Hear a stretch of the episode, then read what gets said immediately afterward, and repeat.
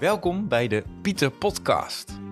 In deze podcast zullen we iedere aflevering mensen op het gebied van duurzaamheid en innovatie laten aanschuiven. Ik ben Juri, medeoprichter van Pieter Pot.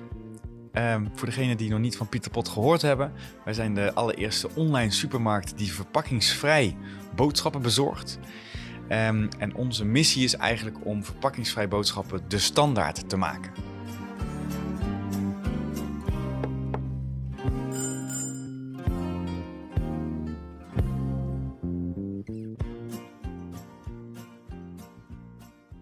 Daan, dank eh, voor je tijd Ja, om met mij aan tafel te schuiven in deze Pieter Podcast, nummer 5 inmiddels. dankjewel voor de uitnodiging. Ja, natuurlijk. En eh, dankjewel voor het, voor het bij mij thuis langskomen. Ja, voor de luisteraars. De setting is hier eh, heel gezellig, heel thuis, in het huis van, eh, van Daan. Ik ben toegelaten tot eh, persoonlijke sferen. Eh, afgelopen maanden heb ik gesproken met de oprichter van Mudjeans, Sepia, Jared Street en nu dus eh, de oprichter van Peerby. Is dat een beetje een rijtje waarin je genoemd wil worden? Of, eh, Ja, dat klinkt wel goed. Ja, dat zijn wel allemaal ondernemingen die volgens mij net, net als wij proberen om de wereld een beetje ja, duurzamer of mooier of leuker of eh, socialer te maken. Ja, te verbeteren? klinkt wel goed. Hey, vertel voor de luisteraars, Daan. Wie, wie ben je? Wat doe je? Ehm, ja, ik ben oprichter van Peerby. En Peerby is een website waarmee je spullen kan lenen en huren van mensen in de buurt. Ons doel is om uiteindelijk alle consumentenproducten eh, onderdeel te maken van een circulaire economie. En je zou kunnen zeggen dat de huidige Peerby, dat, dat, we daarmee telkens eh, nieuwe stappen zetten. En dat, we, dat waar we vandaag zijn, dat dat een, eh, nou ja, een go- goede e- eerste eerste paar stappen is geweest op weg naar echt een circulaire economie voor consumentenproducten. En dat, daar gaan we, maar dat we ook nog heel veel stappen moeten zetten. Oké. Ja.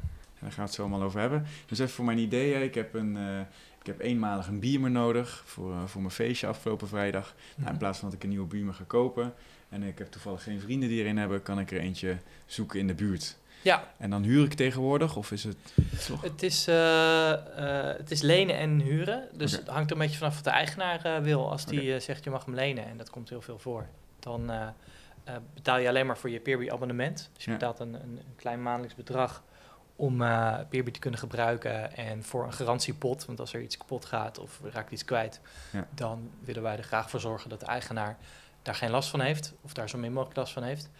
Ehm, dus je, ja, je hebt een, een abonnement en als de eigenaar zegt je mag het van me lenen, dan ben je voor de rest eh, klaar. Ja, dan is het aardig om nog een bedankje mee te nemen, een reep chocola of zo, Ja. of een flesje wijn, dat doen mensen wel vaak. Tony Chocoloni. Precies, Altijd ja. goed te doen. Ja, ja. Hey, en toch dus Peerby, want dat was het, eh, eh, vaak nog een vraag. Komt het nou van, van, van eh, nearby, peerby? eh?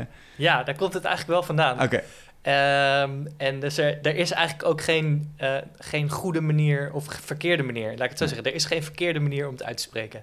Eh, je mag peerby zeggen en peerby. Wij zeggen vaak peerby. Maar zelfs onze, onze Belgische afdeling, want die hebben we ook, die zegt peerby. Dus ja, ja. ja, het, En, maar hoe begon jij ooit? Begon jij eerst met peerby? het begon met, met een, een eh, ja, peer-to-peer nearby. En toen eh, zat ik met een van onze adviseurs eh, uit Canada aan tafel en vroeg hem hoe zou je dat nou uitspreken in het Engels. Toen zei hij, ja, dat weet ik eigenlijk ook niet. Maar wat, wat vind je het vriendelijkst klinken? En toen hadden Ja. we dat, het logo al, dat is een soort van Ja. kabouter. Toen dachten we, ja, die kabouter die heet Peerby. Zo Ja, heet die. en zo, zo kwamen we erop. Maar ik moet, moet je heel eerlijk zeggen dat ik eh, eh, aan de ene kant wel eens denk, ah, het maakt niet uit. Want hè, de, sommige mensen zeggen Nike en anderen zeggen Nike. Ja. En op andere momenten word ik er weer helemaal gek van dat eh, nooit duidelijk is hoe je het uitspreekt.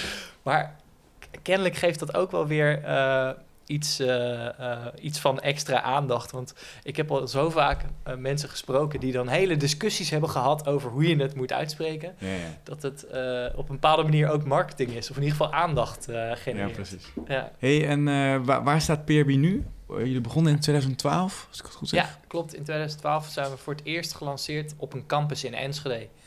En dat werkte voor geen meter, maar daar hebben we wel heel veel van geleerd toen. Toen in een wijk in Amsterdam. En toen, ehm, ja, toen werd er voor het eerst iets gedeeld in Amsterdam-Oost.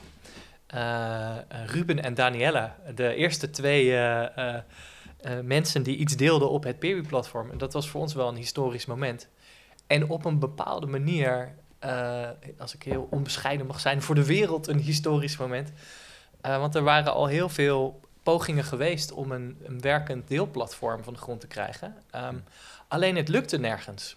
Het lukte, want het, het is natuurlijk een super simpel idee. We Ja. waren ook niet de eerste die bedacht hadden... zou het niet handig zijn als, als, als we wat vaker spullen van elkaar lenen? Heel weinig mensen realiseren zich dat volgens mij. Dat het, dat het niet per se om het idee gaat.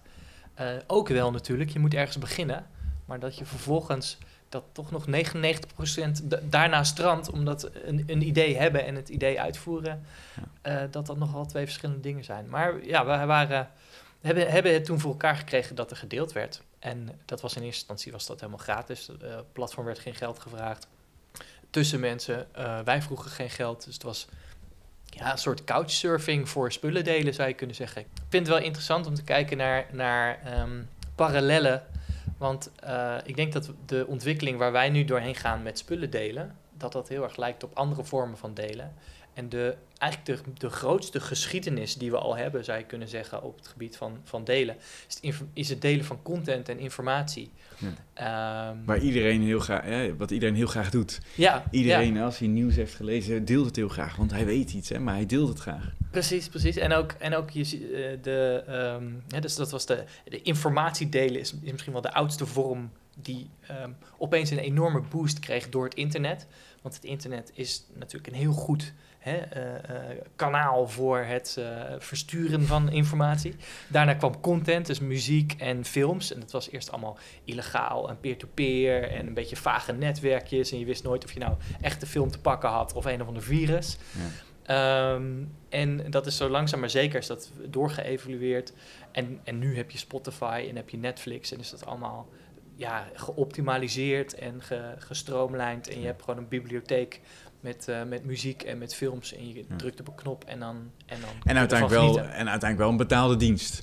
Uiteindelijk wel een betaalde dienst, ja. Dus dat, dat lijkt er toch wel op dat mensen ehm, daar uiteindelijk wel blij van worden als iemand dat goed voor ze organiseert.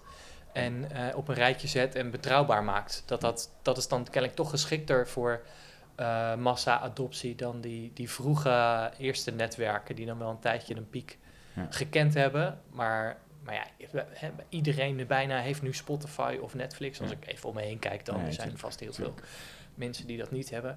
Ehm, ja, en- dat, dat is toch wel weer een andere adoptiegraad dan, eh, dan Ja. die eerste piratennetwerken, noem Ja, ik het maar even. Maar goed, dat was, hè, dus, dus je, jullie kregen het voor elkaar. De eerste spullen werden gedeeld. Ja, En toen, toen, eh, toen vloog het, eh, de media erop. toen kregen we heel veel media-aandacht inderdaad. Niet alleen maar in Nederland, maar over de hele wereld. Ehm, in Amsterdam begon het gewoon echt goed van de grond te komen. Mensen waren echt mooi aan delen.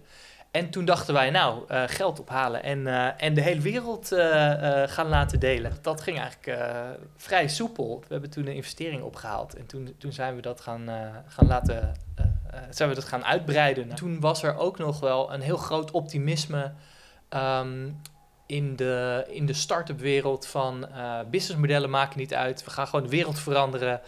En eh, gewoon uh, stop verdienen stop komt later wel. Geld komt verdienen komt later. We gaan we stoppen Eerst er gewoon geld in. We eerst- zien het wel. Ja. Ja, en het, het schijnt ook dat de, de, de directeur van het investeringsfonds eh, tijdens de, de beslissende vergadering heeft geroepen: Facebook had ook geen businessmodel. Maakt niet uit, we zien het wel. Maar achteraf gezien denk ik dat dat in, in, voor ons toch wel een beetje naïef was dat we er, dat we er Ja. zo instapten. Ook, ook omdat volgens mij die, heel veel van die bedrijven uit Silicon Valley die zo'n ontzettend mooi verhaal hebben, Ja. uit, uiteindelijk stiekem heel gehyped zijn. Ja. Dus ik, ik, ik trapte toch wel een beetje in het verhaal van, van bedrijven als toen nog Facebook en Airbnb. Die zeiden, we willen de wereld meer verbonden maken. Of we willen dat iedereen zich overal thuis voelt. En dat lijkt dan echt een soort van hele dikke missie. En toevallig zijn we ook nog een, eh, een start-up. Die, die, en gaan we ook nog wat geld verdienen. Maar eigenlijk is het, is het zeg maar 99 procent. we gaan knetterhard geld verdienen. En dan zo'n dun laagje missie daaroverheen. En ik ontdekte pas later dat, dat wij dus het, zeg maar, wat ik dacht te zien, namelijk heel veel missie. En dan zien we ook nog wel hoe we geld verdienen. Dat, dat was bij ons, zeg maar, echt. En bij heel veel andere, eh, zeg maar, die Silicon Valley eh, marketingverhalen was het eigenlijk eh, vooral andersom. Was het 1% missie en 90%, 99% gewoon financieel. En dat... dus het was eigenlijk best wel naïef van ons, denk ik, om te, doen, of om te denken dat we daar achteraan konden gaan toen al op dat moment en, en hetzelfde verwezenlijken. Ik denk als je echt, echt iets wil veranderen in de wereld en niet zomaar een mooi businessmodelletje wil uitrollen, dan kost dat veel meer tijd. Dan is dat veel moeilijker, veel lastiger. Ja. Ehm, dus, dus er wordt wel vaak gesproken over disruptie. En, en dat disruptieve bedrijven heel snel kunnen groeien. Ehm, maar ik denk wel eens, ja, als je, als, je heel, als je zo makkelijk kunt disrupten, is het dan wel disruptie? Of is er dan, hè, zijn de echte veranderingen niet uiteindelijk best wel traag? Ja. De, de spullen die we allemaal consumeren, dat maakt het allergrootste gedeelte, vormt het allergrootste gedeelte van onze eh, negatieve impact als consument. Dus om, ik geloof meer dan 40% of bijna 40%, uh, wil ik even afwezen. Maar dus meer dan vliegen en vlees eten bij elkaar uh, komt, er, komt voort uit al die spullen die we consumeren. En ehm, wat er interessant aan is, is dat we eigenlijk heel veel van die spullen, dat we die maar heel zelden nodig hebben. Ja, in, in theorie zou je met uh, 90% minder grondstoffen, uitstoot, uh, afval en uh, noem maar op ja. kunnen. Ja, kunnen. En, en, en, en een rijker leven hebben eigenlijk. Want je, je, je hebt, kan meer spullen gebruiken dan je voorheen kon. Ja, je, voorheen had je, kocht je een boormachine. Ja. Nou, dan kon je boren. En dat, dat was het dan. Ja. Nu kun je voor minder geld kun je eigenlijk veel meer doen. Ja de hele wereld is geoptimaliseerd op, die, op dat lineaire. Zo van, je haalt iets uit de, uit de grond, uh, dat gebruik je en dan gooi je het weg. Ja. En um, dat is kostentechnisch natuurlijk hele, een hele aantrekkelijke manier om dingen te doen. Want je bent niet verantwoordelijk voor je afval, je hoeft alles maar uh, één kant op te douwen en dan Ja. is het klaar. Je hoeft, er komt, komt niks terug, zeg maar, in je cyclus. precies.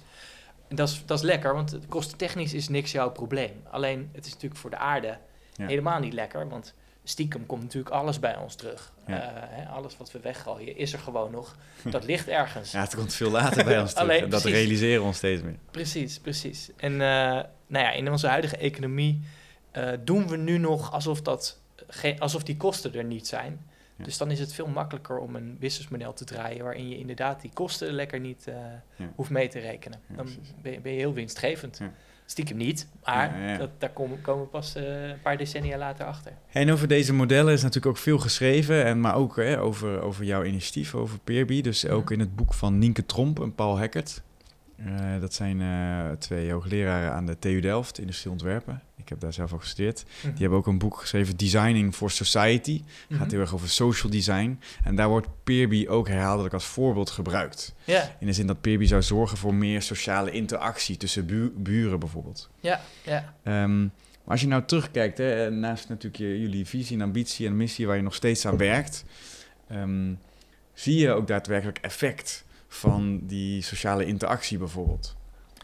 Ja, zeker, zeker in, de, in de allervroegste versies van, eh, van het platform. Omdat we daar, je zou kunnen zeggen dat dat het, het puurste delen was. Eh, in de zin dat het allemaal gratis was, dat het echt volledig op een soort van community gedachte eh, gestoeld was.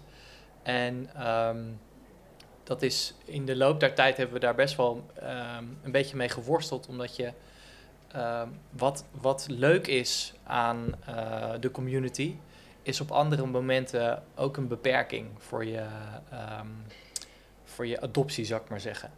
Eh, dus som, soms hebben mensen echt wel zin om eh, een praatje te maken met de buurman. Maar er zijn ook momenten dat je gewoon even, eh, hè, of dan ga, dat je lekker bij de buren wil gaan eten en dat, dat soort dingen. En andere momenten heb je gewoon zin om een pizzaatje te bellen en, of een pizzaatje te appen. Ja, ja. En je voor de rest. eh, dus je bedoelt niet trekken. alle gebruikers hebben zin in die sociale interactie. Sommigen wel. Ja, en, en ook niet iedereen heeft altijd zin daarin. Dus, dus het interessante aan sociale interactie is dat het een, een, eh, het is een waarde en tegelijkertijd een obstakel.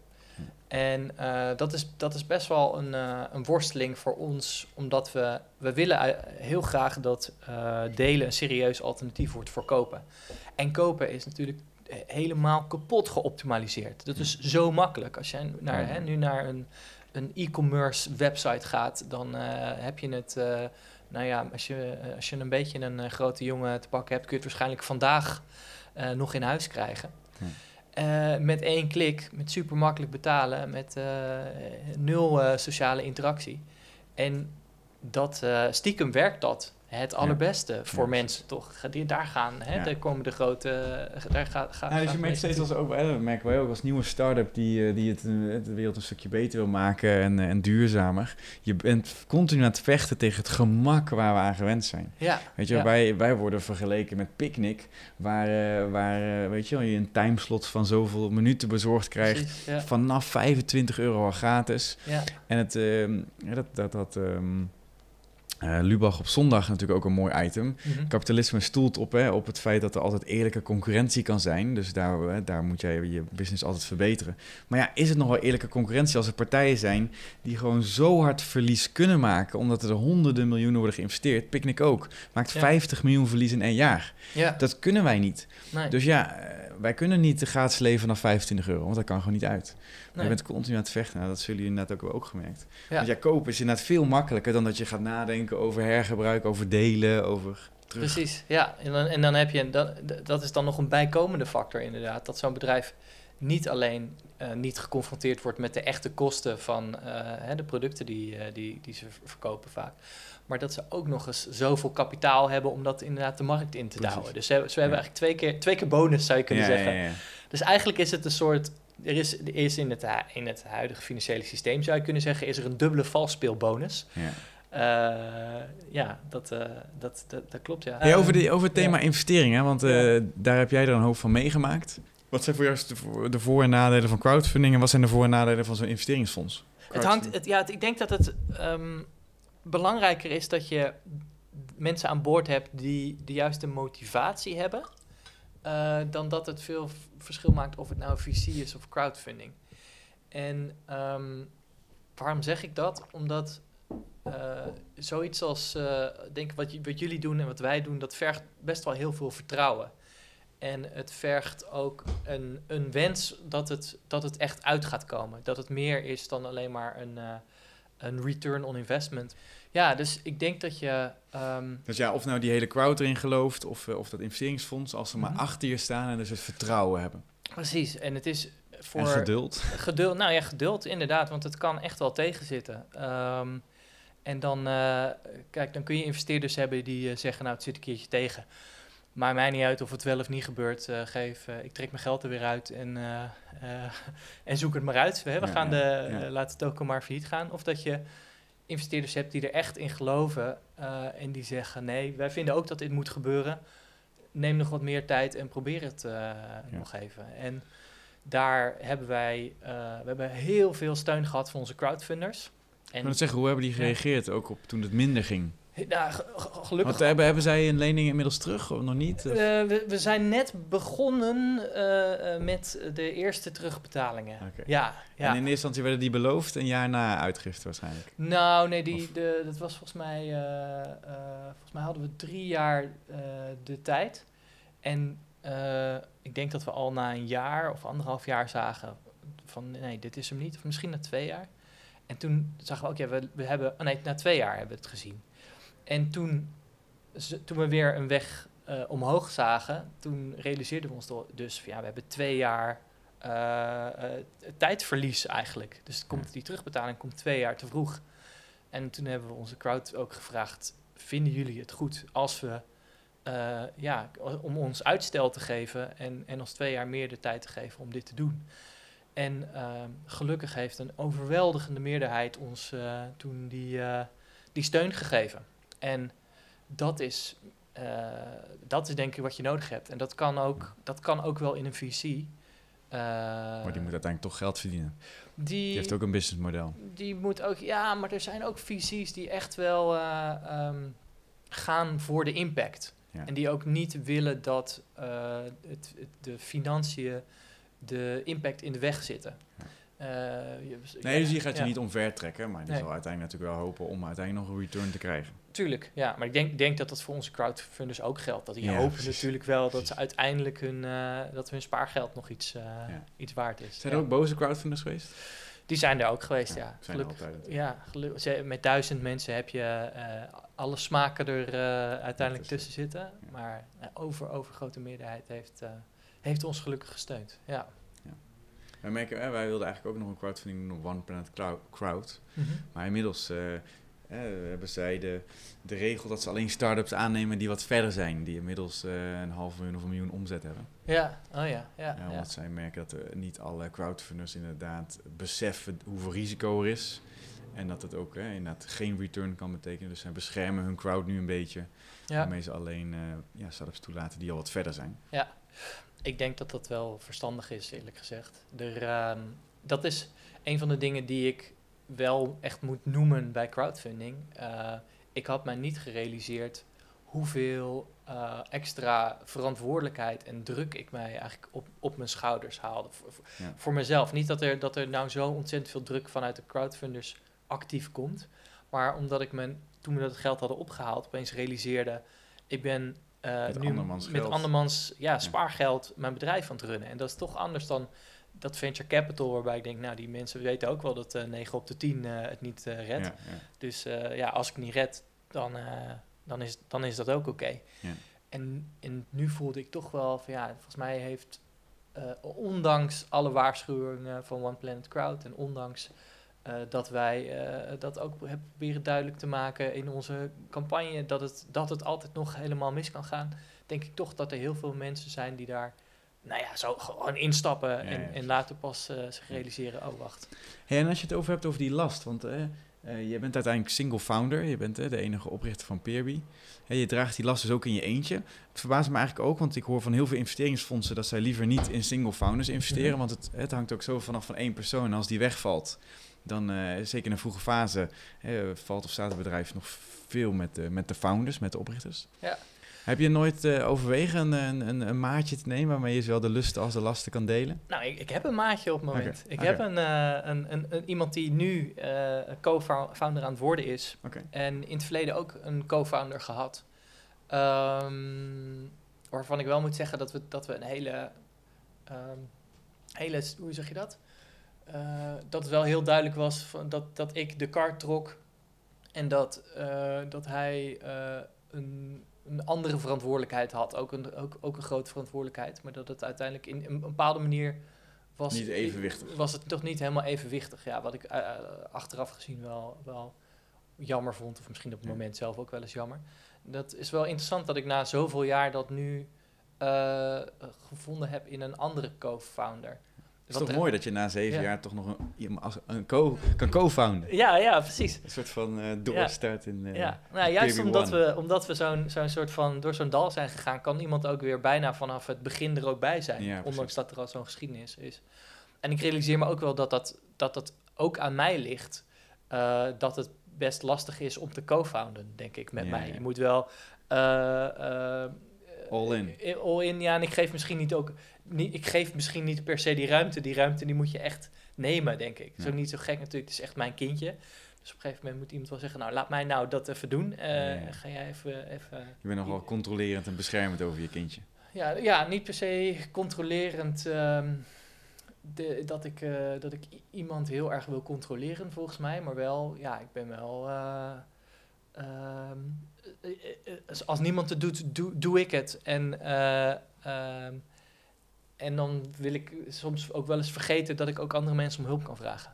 Ja, dus soms moet iemand ook gewoon eh, de, even de, de hulp eh, forceren. Zo van, Ja, ja. ik ga dat nou doen. Ja. Ja, en dan. dus ik ben blij dat ik iemand getroffen heb die dat ook wel aanvoelde. Van nou, ik, ga, ik moet gewoon af en toe zelf even de, tou- de touwtjes in handen nemen en niet wachten tot, tot mij een taak wordt toegeworpen. Ja. Ja, dat is mooi, mooi om te horen. Hey, hey, en, en nogmaals, je boek eh, zeg je natuurlijk 99 redenen om te stoppen en toch door te gaan.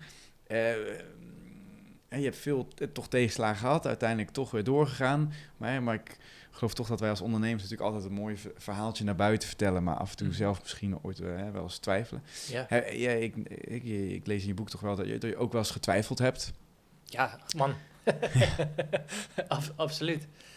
Eh, ik, heb heel, heel, ik heb heel hard en heel veel getwijfeld. Ehm, en eh, zeker, zeker toen, toen we echt door... eh, je, gaat je gaat door een, een, door een dal heen. En dan op het, op het allerdiepste van het dal is zeg maar het moment dat je weet... mijn oude businessmodel werkt niet. En ik weet niet of er een toekomst is. Ja. Dat is, dat is het moeilijkste moment. Om daar uit te komen. Dan kun je niet je energie putten uit dat het goed gaat. Of uit de zekerheid dat je er wel komt. Dan moet je op de een of andere manier doorzien te gaan puur op, op geloof of zo. Op, uh, hoop. Op, hoop. Op, ja, op hoop van zegen.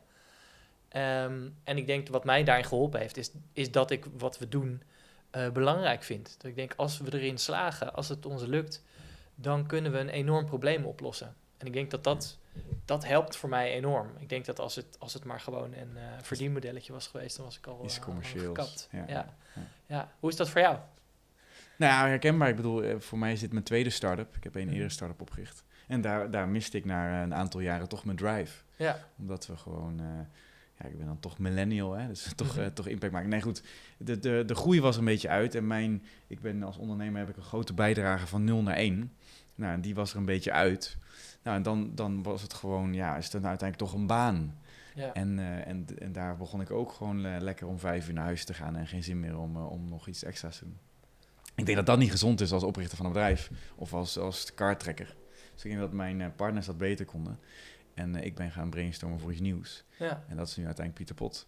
En um, kijk, ik weet niet hoe de, hoe de wereld er over vijf jaar uitziet. Wij, wij, ik zie daar wel nog een grote dat wij een grote impact kunnen maken en een lange groei. En zolang die groei er is en ik een goede bijdrage kan leveren, denk ik dat mijn drive veel langer hier zal zijn. Ja. Omdat we inderdaad naast geld verdienen, eigenlijk als prioriteit impact maken. Ja. En dat Ja. drijft inderdaad wel je. Ja. En, en de leercurve ook, denk ik wel hoor. Ik bedoel, elke dag leren we zoveel. Mhm. En eh, ik denk dat jij dat nu ook nog steeds hebt, nog steeds zeven na dato. En dat, dat, dat houdt je ook op de been.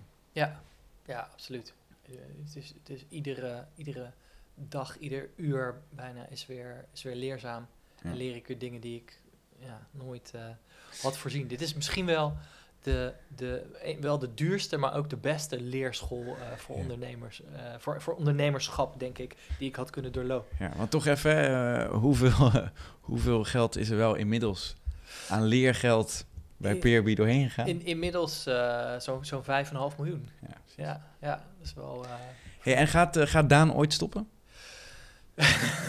Al, ik ga ooit stoppen te bestaan waarschijnlijk. Ho- hoewel ik dat niet zeker weet. Ik ben wel ook een soort van. eh eh, zeg maar, eh, eh, ik, ik, heb wel ergens een idee dat er dat misschien die singularity ooit komt waarbij je geest kan uploaden naar de cloud en dat je dan voor altijd eh, bestaat. Dus misschien ei- eindig ik niet, maar ik denk wel dat ik eindig uiteindelijk. Ik denk dat de kans wel groot is, toch? Ja, ja.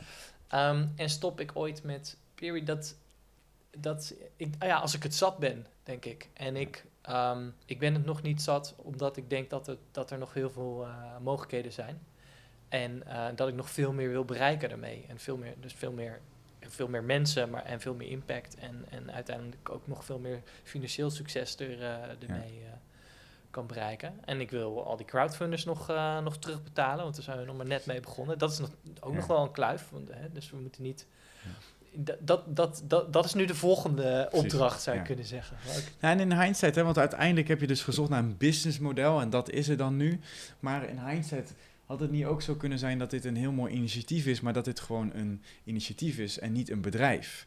Dat dit Mhm. eh, gerund moet worden door, eh, door een stichting waar, waar gewoon door donaties het voortleeft. Of ik zeg maar iets. Nou, daar heb ik, heb ik wel veel over nagedacht. Van zou, had dat het niet gewoon moeten zijn? En is het niet, is het niet gek dat, het in, dat ik het in een start-up gegoten heb? Had het niet eigenlijk een overheidsinitiatief moeten zijn? Moet de overheid niet gewoon Want dan doe je, nu doe je toch mee aan het kapitalistisch systeem, terwijl je daar Ja. volgens mij toch niet helemaal altijd voor bent. Nou, ik ben, ehm, ik ben niet voor een kapitalistisch systeem waarin ehm, dus de schade die je doet of het misbruik die je maakt van, eh, van mensen eh, de- een, een bonus oplevert. Ik ben op zich, eh, geloof ik, wel gewoon in, in dat, dat, dat, dat een, een economie eh, waarin je geld bepaalt voor, betaalt voor allerlei dingen, dat dat een goed functionerend systeem eh, kan Ja. zijn. Ik heb de afgelopen jaren geleerd dat geld een middel is om de balans in een relatie eh, te herstellen. Als je elkaar niet precies evenveel te, te bieden hebt op, Ja, op, op een bepaald moment. Uiteindelijk ehm, geloof ik dat, eh, eh, dat dit een opwaartse spiraal kan creëren die ervoor zorgt dat het een veel grotere impact heeft. Dus als het ehm, als mensen daar nu, als het een, een, een winstgevend businessmodel heeft, dan betekent dat dat er, dat er eigenlijk met iedere euro die er bovenop uh, het geld komt dat nodig is om, het platform te draaien, kunnen wij die euro kunnen wij steken in het vinden van nog iemand die meedoet en in het nog beter maken van die dienst, waardoor we uiteindelijk uh, echt een, kunnen, een, een, bijdrage kunnen leveren aan een wereldwijde circulaire economie. Ja. En dat, dat vind ik wel heel krachtig. Dus ik wil naast een mooi lokaal initiatief, wat, wat al heel gaaf is dat dat gelukt is. een vriend van mij die kunstenaar is, die zei al van nou, als kunstwerk is Peerby volgens mij al lang geslaagd. Ja, dus, maar, maar ik wil juist, ik wil ook dat het een, een soort machine is die, die, die, die doorgaat, die doorgaat en, en echt die verandering teweeg kan brengen. Steeds krachtiger wordt en steeds meer die transitie ja. erdoor uh, duwt. Ja. Thanks. Thanks voor je tijd. Um, luisteraars, de, de volgende keer wordt misschien wel met Jaap Korteweg van de Vegetarische Slager. Jawel Jaap, gewoon doen. Ja. Het is hartstikke leuk. Jaap zei dat hij tijd had tijdens de zomer. En uh, dank voor het luisteren en uh, tot de volgende keer.